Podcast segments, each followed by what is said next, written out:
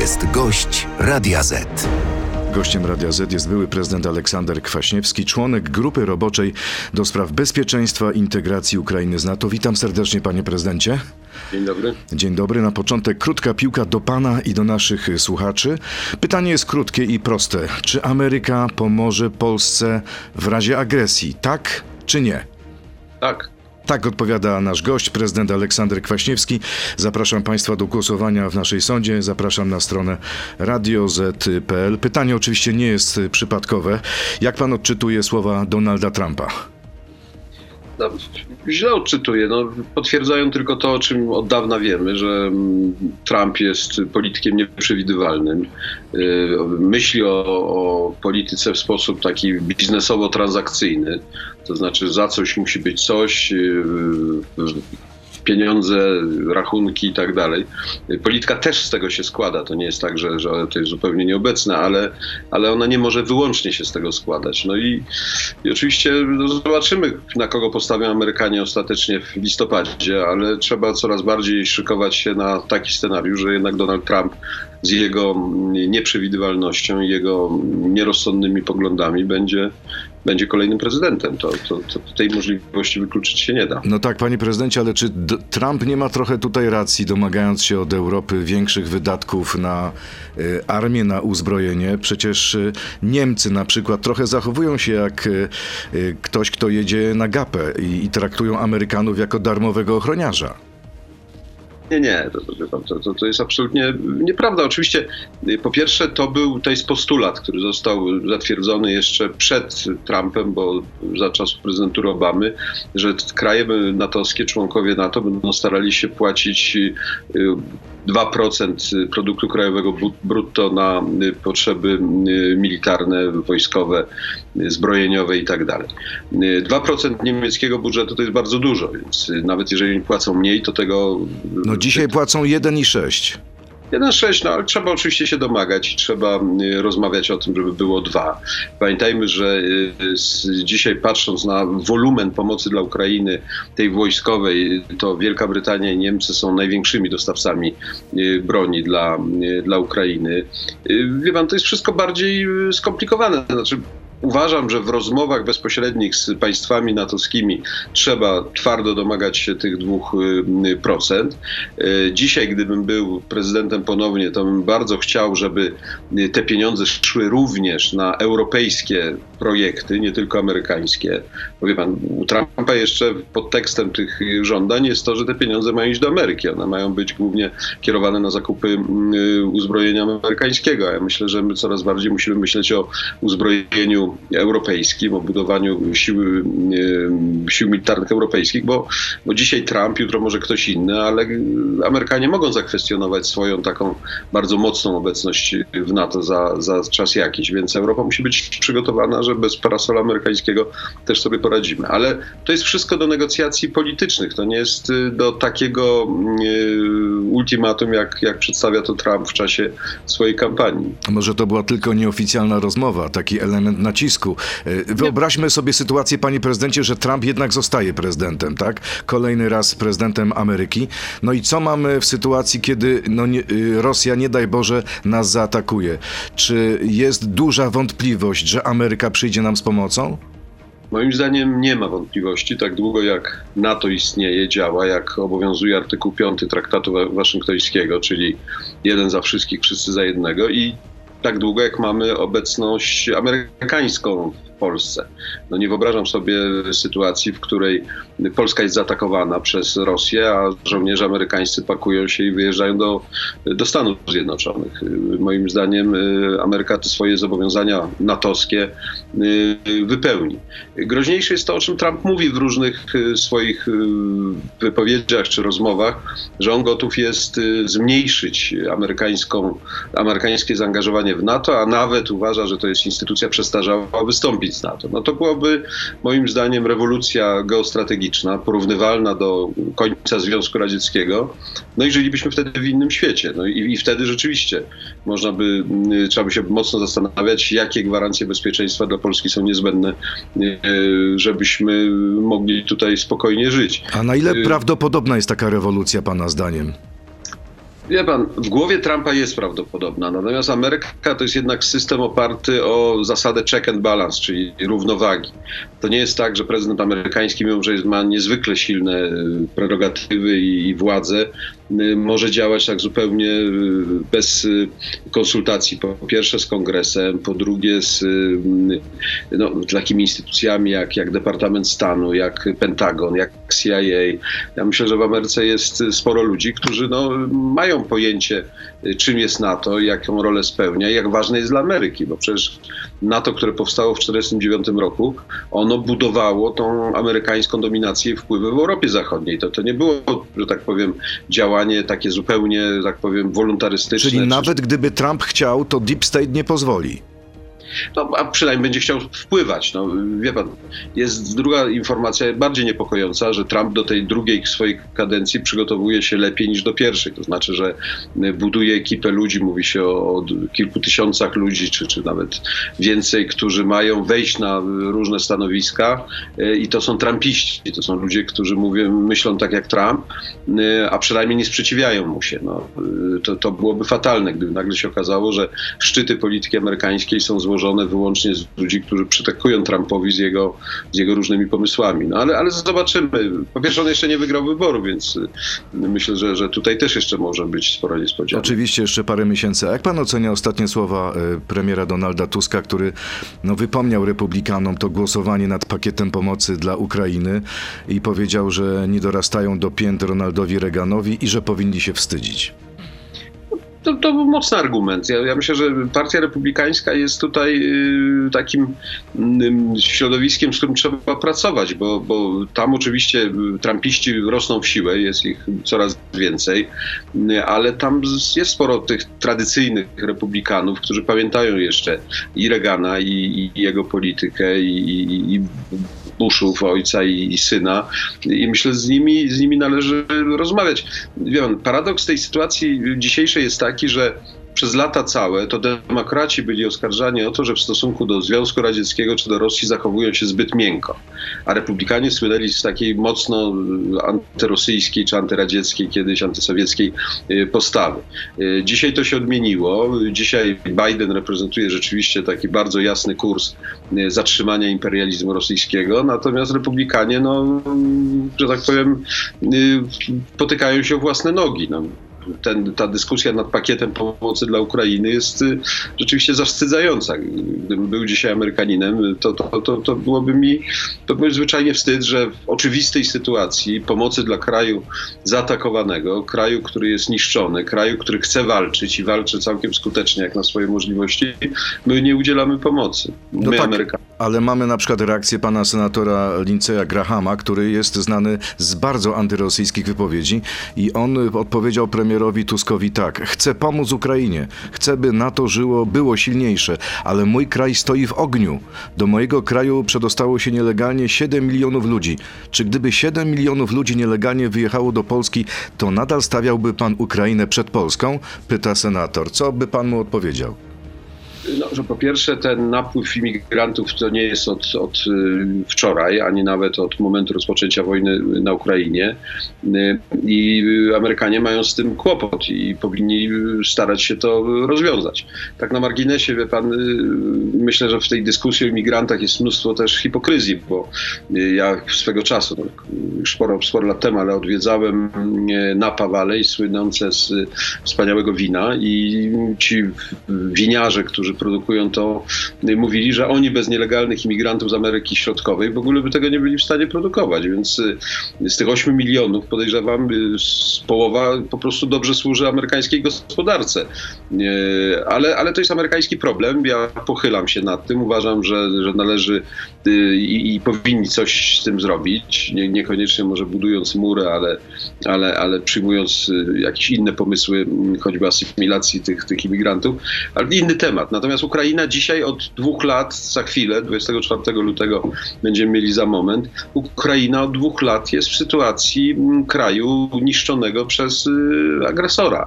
I, i, i z moralnego, politycznego i, i militarnego punktu widzenia trzeba im po prostu pomóc. I Ameryka przez dwa lata pomagała, dopóki nie zaczęły się, że tak powiem, gry i zabawy w, w kongresie i sami republikanie, że tak powiem, nie mogą uzgodnić swojego stanowiska, co, co w tej kwestii robić. Panie prezydencie, pora na krótką piłkę, odsłona numer dwa. Trzy krótkie pytania, również poproszę o odpowiedzi tak albo nie.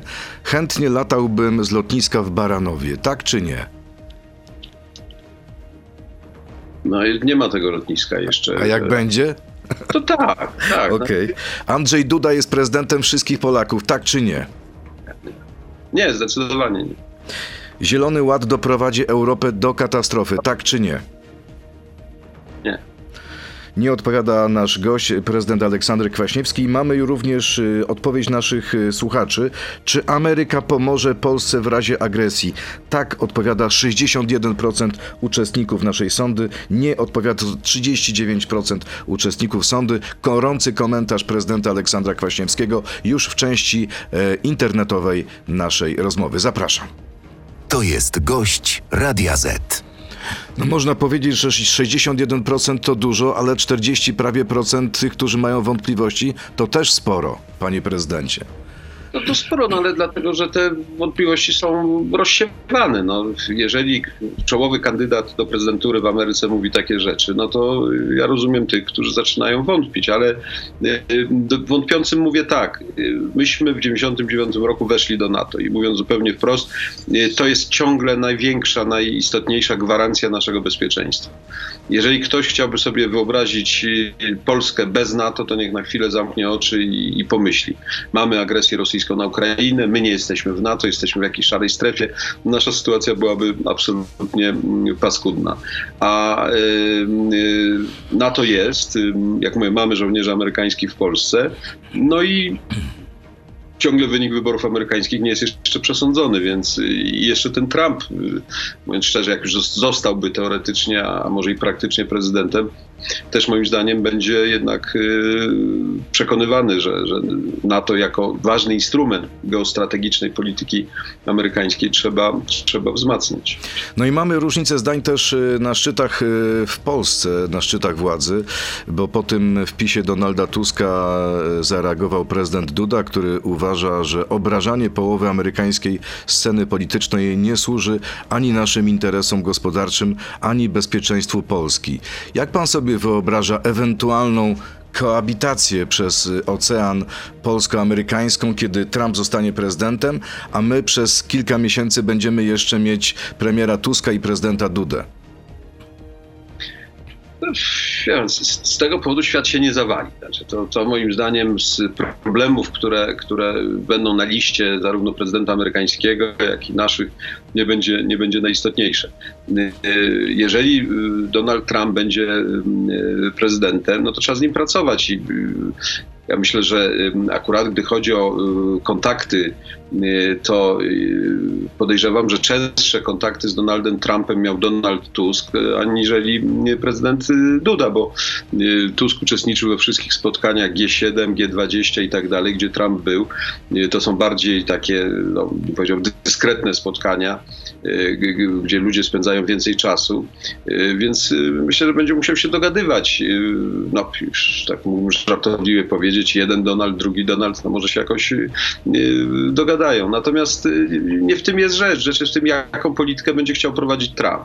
Bo jeżeli y, Trump y, będzie chciał na przykład osłabiać NATO, czy powie wprost, że Amerykanie zmniejszają swoje udziały finansowe w NATO o połowę, no to, to o jakim obrażaniu połowy Ameryki mówimy? No to trzeba po prostu wtedy ryknąć z całą siłą, że, że, że popełniają Amerykanie historyczny błąd. No, wystawiają Europę na, na y, możliwy, y, możliwą agresję rosyjską, a wszystkim taki rosyjski polityczny szantaż, bo słabe NATO nie będzie odstraszało Rosji. I, i, i wtedy trzeba do konkretnych działań Trumpa odnosić się zgodnie z naszym y, interesem, nie tylko naszym, ja myślę, że euroatlantyckim interesem, bo bo, bo NATO jest w interesie Amerykanów, może bardziej niż, niż kogokolwiek innego. No ale Amerykanie oczywiście patrzą na, na, na politykę zagraniczną poprzez pryzmat sytuacji wewnętrznej i to jest naturalne, bo dotyczy to każdego narodu. Ale czy pana zdaniem w tej sytuacji... My... To, jest, to jest sprawa, w której trzeba powiedzieć nie. O ile y, można jasno wytłumaczyć, że, że w Polsce myśli się o sprawach międzynarodowych przez pryzmat wewnętrzny, czy w innych krajach,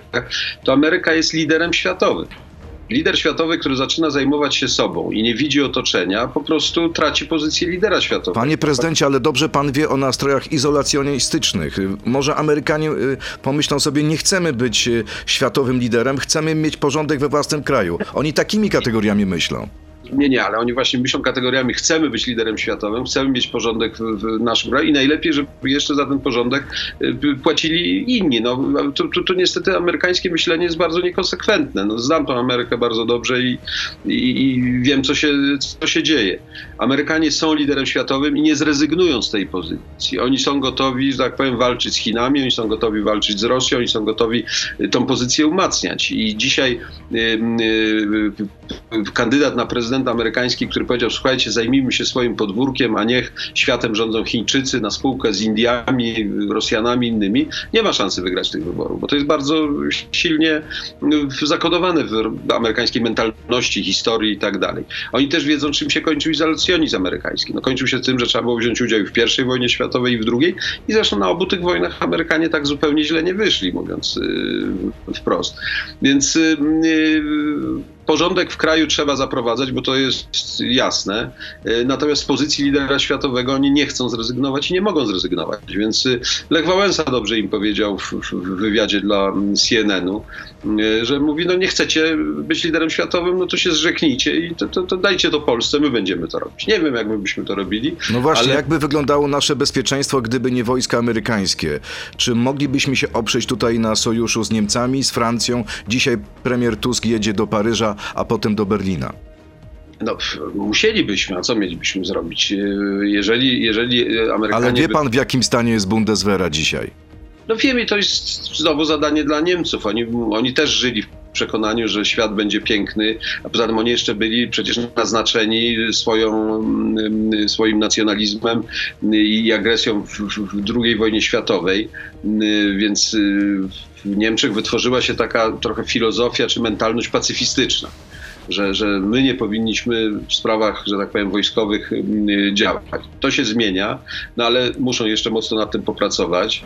Mm, y, że tak zabawnie panu powiem, y, byłem parę razy na takich uroczystościach. Niemcom y, zakazano takiego typowego, który znamy z, z okresu II wojny światowej, kroku defiladowego więc jak idzie ta kampania honorowa, to ona idzie tak, jakby na spacer szła. To, to, to, to jest wręcz y, śmieszne, no ale no, wymusiliśmy po II wojnie światowej z oczywistych względów tego typu, że tak powiem, demilitaryzowanie, także mentalne y, Niemców. Dzisiaj to się zmienia y, i wracając do pana zasadniczego pytania, jeżeli Europa w warunkach, znaczy nawet niezależnie Trump czy nie Trump, ale ona musi wzmocnić swoje siły militarne Czyli y, jeżeli Amerykanie będą zmniejszać swoje zaangażowanie w NATO, w to miejsce muszą wchodzić Niemcy, Francuzi, Brytyjczycy, Polacy i tak dalej. My musimy po prostu mieć zdolności do obrony, musimy mieć zdolności do reagowania w warunkach krytycznych nie licząc tylko na Amerykanów. A powinniśmy się starać o broń atomową przenoszoną przez polskie samoloty w ramach tego e, programu Nuclear Sharing? To jest zbyt poważna sprawa, żeby tak y, lekko na to odpowiadać. Ja uważam, że dzisiaj takiej potrzeby nie ma. Natomiast y, pamiętajmy, że y, broń atomową w tej chwili w NATO mają europejskie dwa kraje, Wielka Brytania i Francja. I byłoby bardzo istotne, żeby w programach natowskich wiedzieć, jak ewentualnie te arsenały atomowe miały być wykorzystane. Także to też powinno podlegać takiej wspólnej europejskiej polityce czy, czy projektowi. Czy inne kraje powinny zaopatrywać się w broń atomową wątpię. No, moim zdaniem zasada nieproliferacji, czyli ograniczenia tych krajów, które mają broń atomową ma sens, bo pamiętajmy, że jak zacznie się to roz, rozpowszechniać, to nagle się okaże, że wszyscy mają broń atomową. I, A i może bez... gdyby Putin wiedział, że polskie samoloty mogą przenosić ładunki jądrowe, to by się pięć razy zastanowił, myśląc o ataku na Warszawę czy Poznań. Nie, on się zastanawia y, cały czas, zresztą jemu nie można wierzyć ani na, na, na, słowo, ale w tym wywiadzie mówi, że, że tu nie ma żadnego zagrożenia dla Polski. I to nie dlatego, że, że, że, że tak on chce być miły wobec nas, tylko ja myślę, że on zdaje sobie sprawę, że NATO nawet, jeżeli on go nie ceni, to przecież uważa za głównego przeciwnika i wie, że jeżeli zaatakowałby którykolwiek z państw NATO, no to reakcja może być bardzo zdecydowana. I Czyli pana zdaniem w tym momencie Putin nie kłamie, mówi prawdę w tym momencie nie kłamie, ponieważ no, także wojna na Ukrainie pokazała, że jego możliwości militarne nie są tak wielkie, jak, jak on sam sądził, czy jak, jak myśmy nawet y, sądzili. To nie jest armia nie do pokonania. Jeżeli dużo mniejsza armia ukraińska potrafi ich utrzymywać na y, tej samej linii przez, przez dwa lata, no to znaczy, że, że, że, że, że ta armia miałaby duży kłopot, żeby pójść dalej, żeby zdobywać kolejne terytoria. A użycie broni atomowej w stosunku do państwa natowskiego grozi reakcją również atomową. No dzisiaj i ze strony Stanów Zjednoczonych, i ze strony Wielkiej Brytanii, czyli ze strony NATO. A jakby się taka potyczka atomowa skończyła, tego nikt nie wie i lepiej, żebyśmy nie wiedzieli nigdy. No chyba bo, końcem bo... świata raczej, albo na pewno dużą jego częścią. No na pewno jakąś zagładą o, skali, której no, nie sposób sobie wyobrazić. A wracając jeszcze do tego, co mówił Putin, jak pan czyta ten wywiad? Czy pojawiły się tam oprócz tej kwestii jakieś sprawy, które są dla pana interesujące? Czy ten sygnał o tym, że szybko może dojść do zakończenia wojny na Ukrainie, to jest jakaś, jakiś blef, jakaś podpucha? Jak to czytać? Nie, no czytać wprost, no, on to, to powiedział dosyć e, jasno. Wie pan, z Putinem jest tak, że on te wywiady, poza tą częścią propagandową, którą powtarza, i myślę, że on sam w to wierzy, no, to historia Ukraina to nie jest państwo, to nie jest naród, to, to są Rosjanie, którzy żyli gdzieś tam na, na, na Ukraju, że tak powiem, imperium, w związku z tym nazwali ich Ukraińcami. No, bzdury absolutne, bo ja zresztą Pamiętam, jak dzisiaj zostałem zaproszony przez Kuczmę na dziesięciolecie niepodległości Ukrainy i, i Putin tam przyjechał jako prezydent młody, bo to był 2001 rok. Siedzieliśmy obok i Kuczma zrobił dużą imprezę, kilkugodzinną, gdzie nie było w ogóle tłumaczenia na, na żaden inny język. Wszystko było po ukraińsku. I Putin siedzi koło mnie, pyta mnie, a ty rozumiesz? Ja mówię, rozumiem. A ile rozumiesz? Ja ja tak 90% rozumiem. Ty rozumiesz 90%? Ja mówię, tak ja rozumiem mniej więcej 30%. Ja myślę, że to jest jedna z odpowiedzi na tajemnicę, dlaczego Putin ma kłopot z Ukrainą. No ich rozumie na 30%, no my rozumiemy na 90%, bo rzeczywiście język polski i ukraiński są bliższe sobie niż, niż rosyjski i ukraiński. E, e, więc on bzdury takie opowiada, myślę, że w nie wierzy. Natomiast kiedy on e, udziela takich odpowiedzi, e, to to jest szczere. No. Co to znaczy zakończenie wojny błyskawicznej? On mówi wprost, niech Zachód przestanie dostarczać broń Ukrainie, my to załatwimy w parę tygodni. No to jest święta prawda. No jeżeli wojska ukraińskie zostaną pozbawione broni, no to oczywiście ten, ten, ten czołg, czy te czołgi rosyjskie przejadą Ukrainę bardzo szybko, zdobędą Kijów, y, dojdą może tam do granic zachodnich, czy tam do, do regionu lwowskiego i Łużchorockiego, które Putin wprost mówi, że chętnie by oddał Polakom i Węgrom, bo to im zagrabione te ziemie. No, Także tu jest szczery, tylko że to nic nie ma wspólnego ani z pokojem, a tym bardziej nie ma nic wspólnego z uszanowaniem y, suwerenności ukraińskiej, ukraińskich oczekiwań. Y, to społeczeństwo od 30 lat buduje niepodległe państwo i ma do tego wszelkie prawo, tylko że to prawo jest kwestionowane przez Putina. A jaka jest y, sytuacja w tej chwili na froncie? Jest pan bardzo blisko administracji Załańskiego, działa pan w tej grupie roboczej. Czy ta dymisja założnego to jest krok w dobrym kierunku, czy to może spowodować jakieś wewnętrzne problemy, starcia, wojnę o władzę w samym Kijowie? Znaczy, wie pan, na moje oko to nie jest y, najbardziej y, udane posunięcie, no ale jakby. A dlaczego? No dlatego, że y, Załużny okazał się dobrym dowódcą, szanowanym dowódcą, no i, i co by nie mówić, Ukraińcy trzymają się. Um, oczywiście pretensje można mieć, że ta kontrofensywa, która prawdopodobnie była zbyt optymistycznie oceniana przez prezydenta, y, no zakończyła się remisem. To znaczy ta kontrofensywa nie, nie, nie przyniosła jakichś tam wielkich zdobyczy terytorialnych, y, ale Załużny na pewno pokazał, że jest racjonalnym dowódcą przyczyna tego jest zapewne no, polityczna. Znaczy, Załużny zaczął zyskiwać ogromną popularność i pewno zostało to uznane przez obóz prezydencki jako zagrożenie dla y, stabilności, że tak powiem, tego, tej, tej władzy. Nowego dowódcy nie znam. Zobaczymy, jak będzie sobie radził. No ale to są wszystko, zresztą sposób, który odszedł założony, też pokazuje, że, że oni rozumieją sytuację, że oni nie chcą, że tak powiem, napinać tutaj struny w związku z tym wszystkim. No, prawo prezydenta jest wymienić dowódców. Dowódcy, mam nadzieję, są odpowiednio przygotowani i zdolni do, do dalszych działań, ale, ale generalnie sytuacja Ukrainy jest, jest dramatyczna, wie pan. No, zasoby ludzkie się kończą. Yy, mobilizacja prawdopodobnie się nie powiedzie, ponieważ już nie ma z czego brać, a ci, którzy wyjechali za granicę, nie chcą wracać i, i walczyć yy, na froncie. Rosjanie grają na czas, bo dla nich to nie jest problem, żeby ta wojna trwała jeszcze kolejne, kolejne lata, a każdy rok takiej wojny powoduje, że te największe plany ukraińskie są zawieszone, no bo y, Unia Europejska waha się, czy kraj w trakcie wojny można przyjmować do Unii Europejskiej, NATO tym bardziej, no i strategiczne cele ukraińskie są ciągle niespełnione. Także wie Mam wrażenie, panie prezydencie, że te nastroje zmieniają się również w Polsce, bo podobne pytanie a propos, czy y, Ukraina powinna być, y, czy powinniśmy negocjować z Ukrainą wejście do Unii Europejskiej. Większość Polaków uważa, że powinniśmy się wstrzymać do zakończenia wojny. No, bo wie pan, no, słowo wojna to jest, jest sondaż takie, dla wirtualnej Polski. No, i, i trudno, trudno dziwić się. No, wojna to, to jest wojna. Ludzie rozumieją wojnę jako mm, czas niestabilności, nieprzewidywalności i tak dalej. A z drugiej strony mm, y, no, ta, ta Ukraina tego potrzebuje.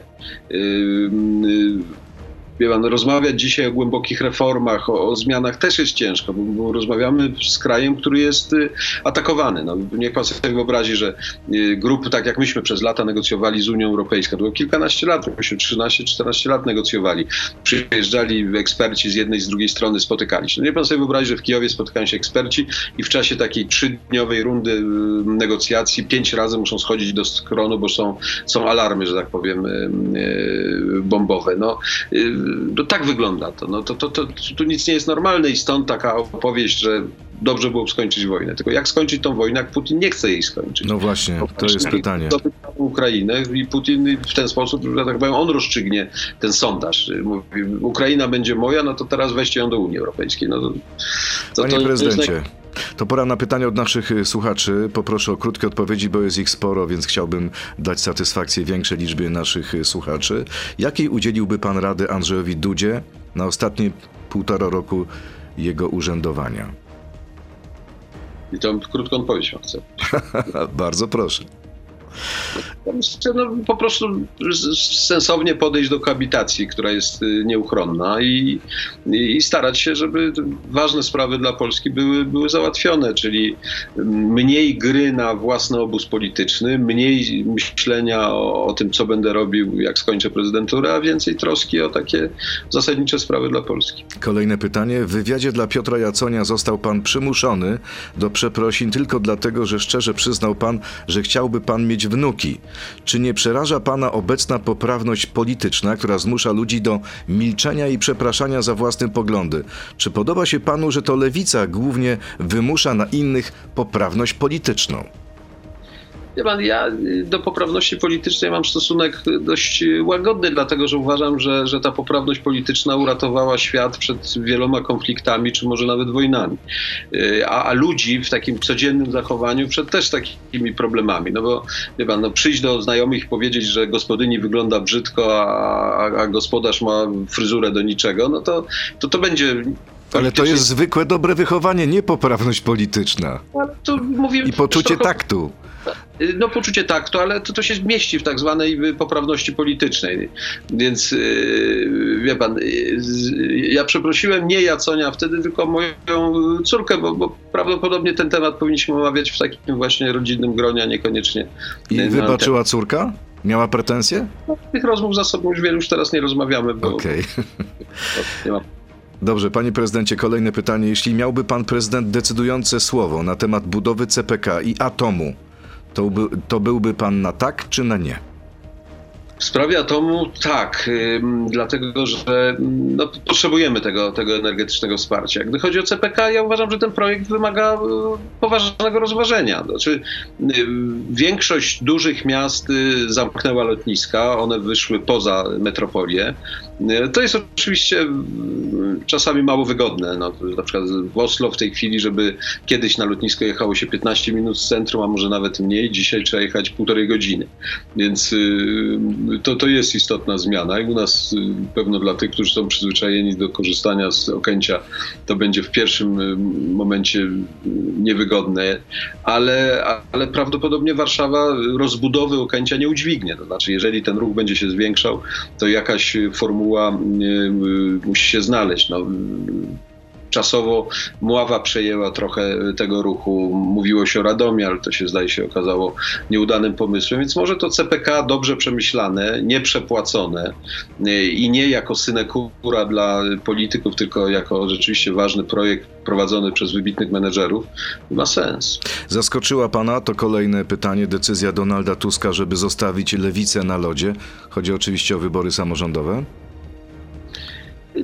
nie, nie zaskoczyła, bo w polityce Donald Tusk jest y, człowiekiem dosyć bezwzględnym. To znaczy, on zobaczył, że, że notowania Platformy czy, czy Koalicji Obywatelskiej rosną, y, więc y, uznał, że, że lepiej odnieść zwycięstwo takie bezapelacyjne na własny rachunek, a Lewica, jeżeli będzie miała kłopoty, no to będzie bardziej spolegliwym partnerem w przyszłości. Także znając y, talenty Donalda Tuska, które doceniam, no to ja się spodziewałem tej decyzji.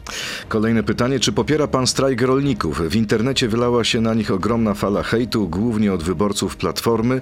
Oskarżają rolników, że protestują przeciwko Unii w pojazdach za miliony złotych. Czy pan również podziela takie spojrzenie na, te, na tę sprawę?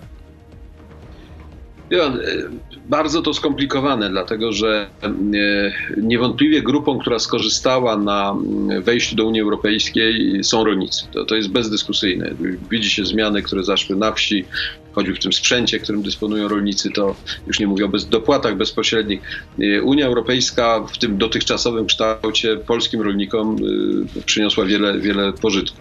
E, Te protesty, które dzisiaj mają miejsce, są bardzo trudne, bym powiedział, bo one na szali stawiają dwie rzeczy. Raz, korzyści polskiego rolnictwa, a dwa, wejście Ukrainy do Unii Europejskiej.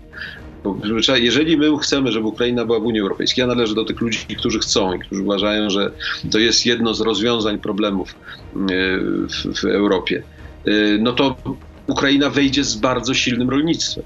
To jest kraj, który ma dobre ziemie, który ma mocne rolnictwo. W związku z tym my musimy się z tym liczyć. I ja bym dzisiaj na miejscu rządzących prowadził bardzo intensywne rozmowy w Brukseli właśnie o tym, co robimy z Ukrainą, którą chcemy włączyć do Unii Europejskiej, która wchodzi do Unii Europejskiej z rolnictwem. Czyli jak y, te ewentualne straty, które poniosą polscy rolnicy, rumuńscy, y, Słowacy, ale też francuscy, jak będziemy rekompensować poprzez jakąś tam politykę, politykę europejską. Bo gdyby trzymać się tych haseł, o których mówią y, rolnicy na, na, na tych protestach, no to właściwie miejsca dla Ukrainy w Unii Europejskiej nie ma. No, rolnicy mówią wprost, jeśli wpuścimy tutaj e, tak potężne rolnictwo ukraińskie, to nasze polskie zginie. No to na pewno będzie musiało przemyśleć swoją, y, y, swoją politykę, ale pamiętajmy, że identycznego argumentu używano w momencie rozszerzenia o Polskę. Bo ja spotykałem się jeżdżąc i przekonując, że Polska powinna być w Unii Europejskiej, to przede wszystkim spotykałem się z takimi argumentami, co będzie, jak puścimy polskie rolnictwo. Zaleją nas produktami, które będą nie spełniały norm zdrowotnych, y, higienicznych, y, tanie. y, Przegramy tą konkurencję. Po części okazało się to prawdą. Na przykład, gdy chodzi o produkty mleczne, Polska okazała się tu naprawdę bardzo silną konkurencją dla, dla Zachodu. No ale, no ale, ale nie da się, że tak powiem, mieć ciastko, zjeść ciastko i, i wszystko to. No nie, y, nie można tak. mieć wszystkiego, to prawda. Panie prezydencie, Więc- na koniec y, jedno... py- Tak? Ja bym przekonywał y, Donalda Tuska, żeby bardzo szybko taką poważną grupę negocjacyjną, czy, czy taki think tank uruchomił w ramach Unii Europejskiej. Co robimy z rolnictwem, z polityką rolną Unii wobec przyjęcia Ukrainy? A komisarz Wojciechowski powinien odejść, powinien zrezygnować, czy nie?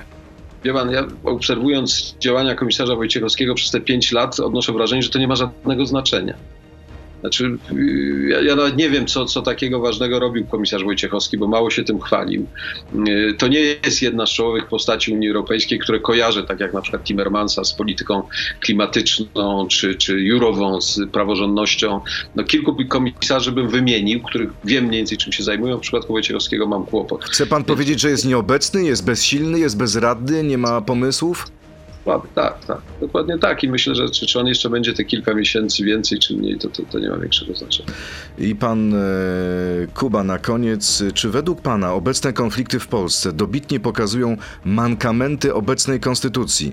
Co w niej można by zmienić po tych blisko, blisko 30 latach jej funkcjonowania?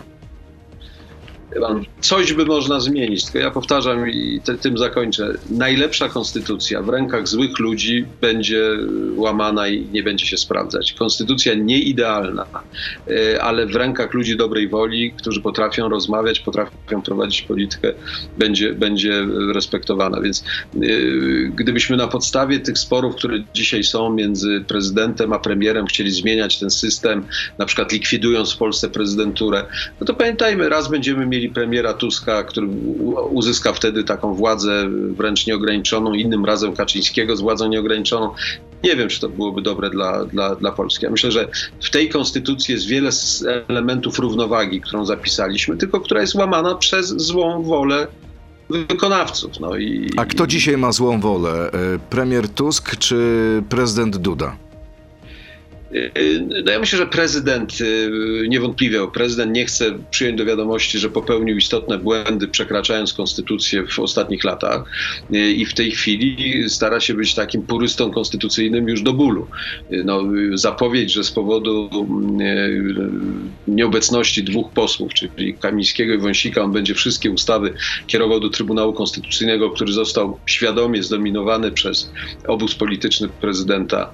No, no to, to, jest, to jest nieodpowiedzialne. To jest absolutnie nieodpowiedzialne. A co pan by dzisiaj zrobił z Trybunałem Konstytucyjnym?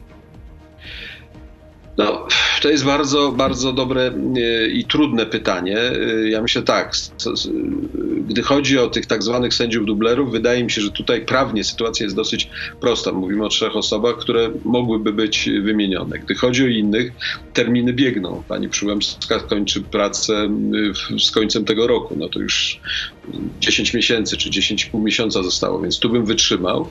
E, a przede wszystkim no bym też przez chwilę może naiwnie uwierzył, że część y, członków Trybunału Konstytucyjnego, może poza panem Piotrowiczem czy panią Pawłowicz, bo oni są politycznie niezwykle uwikłani, ale to są jednak ludzie, którzy mają pewne pokłady przyzwoitości i niezależności i, i dał im szansę, żeby wykazali, że, że, że, są niezależnymi prawnikami, którzy mają swoje poglądy, możemy się z nimi zgadzać czy nie, no ale, ale są, są niezależni. Więc tak na trzy sposoby bym działał. Po pierwsze zmienić dublerów, po drugie wytrzymać nerwowo i, i, dokończyć kadencję tych, którym się kończą kadencje i próbować y, zaapelować, czy, czy dać szansę pozostałym, żeby pokazali, że, y, że nie są upartyjnieni, że, że, że mogą działać niezależnie. Czyli nie zgadza się pan z tymi opiniami, no częstymi, zwłaszcza wśród polityków rządzącej koalicji, że Trybunał nie istnieje, nie mamy Trybunału? No to jest, y, wie pan, to jest mniej więcej takie samo powiedzenie, jak Jarosław Kaczyński powiedział, że nie mamy Sejmu. Y, czyli no, propaganda i udowadnianie swojej tezy. Ten trybunał został niewątpliwie y, w sensie niezależności zniszczony. Czyli podstawowa cecha Trybunału Konstytucyjnego, niezależność. Proszę pamiętać, jak myśmy pisali konstytucję, to na przykład przez celowo wpisaliśmy, że sędzią Trybunału można być tylko jedną kadencję. Za to długo. Dlaczego? No, żeby żaden sędzia nie myślał o reelekcji, że a tu się komuś podliże, bo będzie Sejm na mnie głosował. Więc, ale kadencja dziewięcioletnia, więc jest bardzo y, długa. Y, więc wiele takich elementów, które miały być fundamentem tej niezależności, zostało zapisanych.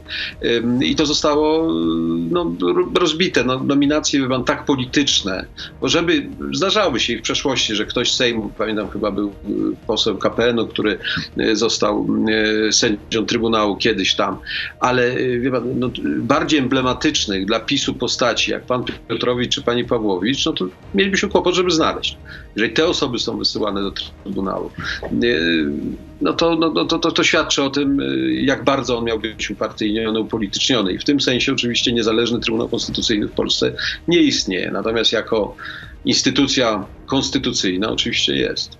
To na koniec, a propos tego pytania jednego z naszych słuchaczy. Jutro jest Rada Gabinetowa. Prezydent zaprosił rząd Donalda Tuska do siebie. Może jakaś rada dla prezydenta i dla premiera? Biorąc pod uwagę to wszystko, co dzieje się za wschodnią granicą i co może zdarzyć się w Stanach Zjednoczonych? Wie pan, ja, ja kilka rad gabinetowych y, przeżyłem y, z, z różnymi rządami. Z Wołowami to jest prawo prezydenta i tu nie ma co kwestionować. Y, Natomiast y, one nie przynoszą żadnego y, większego przełomu, To bo po co one są? no, one są po to, żeby jakby przepływ informacji był y, pełny. To znaczy, jeżeli y, prezydent y, ma poczucie, że nie jest w pełni informowany, to Rada Gabinetowa jest takim momentem, że no, już się nie da nie poinformować, bo spotykają się fizycznie twarzą w twarz. On może zapytać każdego z ministrów, y, o co tu w tej sprawie chodzi, bo on tego, tego nie wie. Natomiast oczywiście to się zmienia y, trochę w polityczny teatr, no, a teatry mają to do siebie, że sztuki są napisane z góry i aktorzy je lepiej czy gorzej y, od, odtwarzają. Y, Tylko ja jaka myślę, będzie puenta tego teatru, tego spektaklu? że się odbyło, że się odbyło i, i tyle. No, i, i, i jest oczywiście kwestia, y, y, jaka, kto jakie tematy podniesie i ile pretensji z której strony będzie wypowiedzianych, ale ja bym nie w tym widział dobrą współpracę prezydenta i rządu. Ja myślę, że y, to, czego naprawdę potrzeba w tej chwili w Polsce, to żeby kontakty bezpośrednie prezydenta i premiera miały charakter stały, dyskretny, to znaczy niekoniecznie w, w, ze wszystkimi kamerami i, i przekazem, i w ten sposób, żeby opinie mogły się ucierać. Yy, pan, w, Wielkiej Brytanii król co tydzień spotykał się, z, czy królowa spotykała się z premierem. To nie wychodziło nigdy na, na zewnątrz, ale tworzyło pewną tradycję właśnie wzajemnego poinformowania się, ostrzeżenia itd. itd. Yy, Sądzę, że tego dzisiaj bardziej potrzeba nawet niż rad gabinetowych, która dobrze, że będzie, no bo po tej Radzie Gabinetowej prezydent nie będzie mógł powiedzieć, że czegoś nie wiedział, a rząd też nie będzie mógł powiedzieć, że prezydent im czegoś nie powiedział, bo, bo to jest okazja, żeby wszystko zostało powiedziane. Czyli więcej ciszy, y, mniej Twittera. Zdecydowanie. Więcej wizji, mniej telewizji. No, nie mówimy tutaj o radiu. Bardzo dziękuję, panie prezydencie. Ważnie to się kierować poprawnością polityczną. Tak jest. Bardzo dziękuję. Były prezydent Aleksander Kwaśniewski był gościem Radia Z. Bardzo dziękuję i miłego dnia. Dziękuję bardzo. Dziękuję To był gość Radia Z. Słuchaj nas w Radio Z i na player radioz.pl.